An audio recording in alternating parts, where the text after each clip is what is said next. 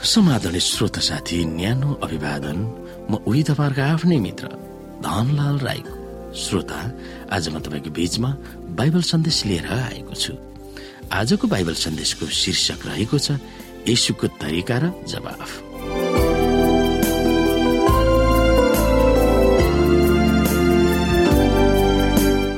श्रोत साथी हामीले अध्याय दुईमा भनिएको वा त्यो पण्डित वा शास्त्री यसुलाई जाँच्न आएका थिए भनेर बाइबलले बताउँदछ।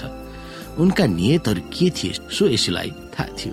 यथार्थमा हामीले चाहेको भन्दा बढी हाम्रा हृदयहरूको प्यासलाई परमेश्वरलाई थाहा छ र हामीलाई प्रश्न गर्ने वा हामीसँग वाद विवाद गर्न चाहनेहरूको हृदय वा नियतहरू हामीलाई थाहा हुँदैन। त्यो कुरा परमेश्वरलाई थाहा छ। कतिपय समयमा अरू आस्थाका मानिसहरूले हाम्रो आस्थाको बारेमा सोध्छन्।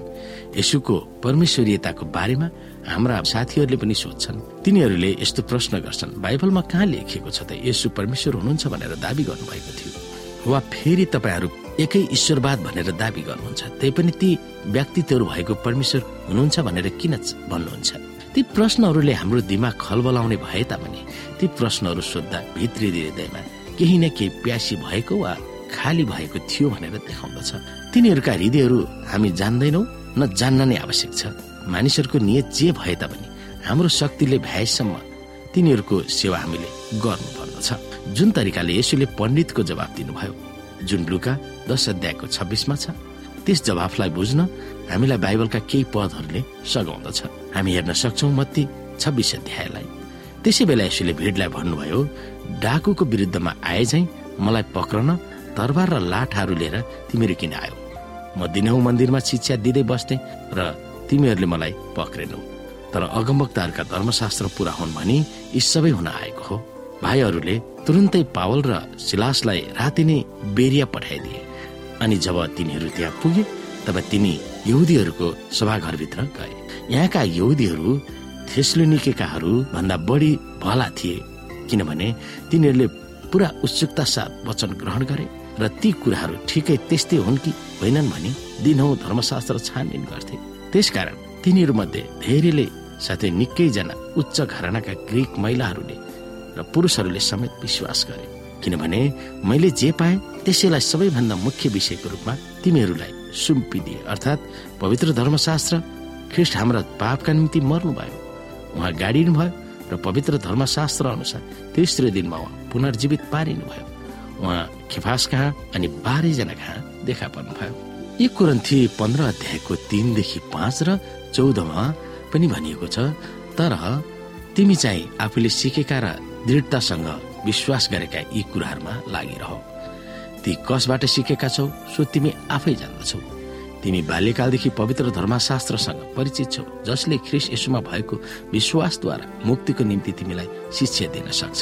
सम्पूर्ण पवित्र शास्त्र र परमेश्वरको प्रेरणाबाट भएको हो र यो सिकाउनलाई अर्थी दिनलाई सच्याउनलाई धार्मिकतामा तालिम दिनलाई लाभदायक हुन्छ ताकि परमेश्वरको जन हरेक सुकर्ममा पूर्ण रूपले सुसज्जित भई सिद्ध भएको होस्। श्रोता साथी कहिलेकाहीँ हामी जवाब दिन प्रयास गर्छौ तब कसरी जवाब दिने भनेर दिमागमा नआउन सक्छ। त्यसकारण यसुको तरिका हामीले पनि अपनाउनु उपयुक्त देखिन्छ। उहाँले जवाब दिनुभयो व्यवस्थामा के लेखिएको छ तिमीले कसरी बुझ्छौ मानिसहरू कसरी सिक्नु पर्छ भन्ने महत्वपूर्ण तरिकालाई यसुले औल्याउनु भएको थियो। हामीलाई अरूहरूले के भन्न चाहेका छन् सो सुन्नु मात्र नभएर हामी आफै पनि बाइबल पढ्ने गर्नुपर्दछ। प्रश्नका जवाफहरू त्यही हुन्छ र हामीले के गर्नुपर्छ भनेर पवित्र आत्माले नै हाम्रो हृदयलाई प्रभाव पार्नुहुन्छ। परमेश्वरले हामीलाई उहाँको वचन दिनुभएको छ। यसमा हामीलाई आवश्यक भएको सबै सत्यहरू हामी पाउँछौ। हामी कसरी बाँच्ने अरूहरूलाई कस्तो व्यवहार गर्ने र हामीले अनन्त वा अमर जीवन कसरी पाउने भन्ने प्रश्नहरूको जवाब बाइबलमै हामी पाउँछौ। हो शिक्षक र पास्टरहरूले हामीलाई सिकाउनु पर्दछ तर अन्तमा सत्यलाई बुझ्न हामी आफै बाइबल अध्ययन गर्नुपर्छ। भजन संग्रहका लेखकले यो भनेका छन् तपाईँका वचनहरू मेरो जिब्रोमा अति स्वादिष्ट छन्। महभन्दा पनि मेरो मुखमा ती बढी मिठा छन्। तपाईँका आदेशहरूद्वारा म समशक्ति प्राप्त गर्छु।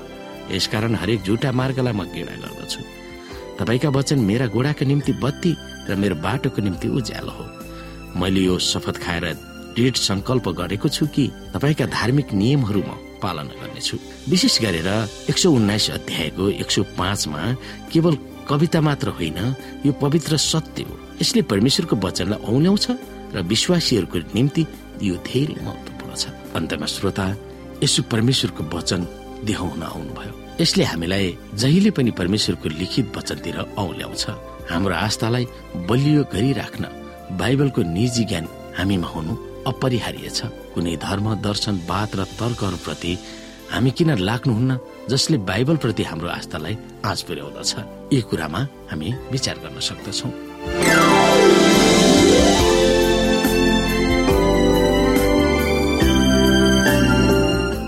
श्रोता साथी आजको लागि बाइबल सन्देश यति नै। हस्त नमस्ते। जय मसिंह।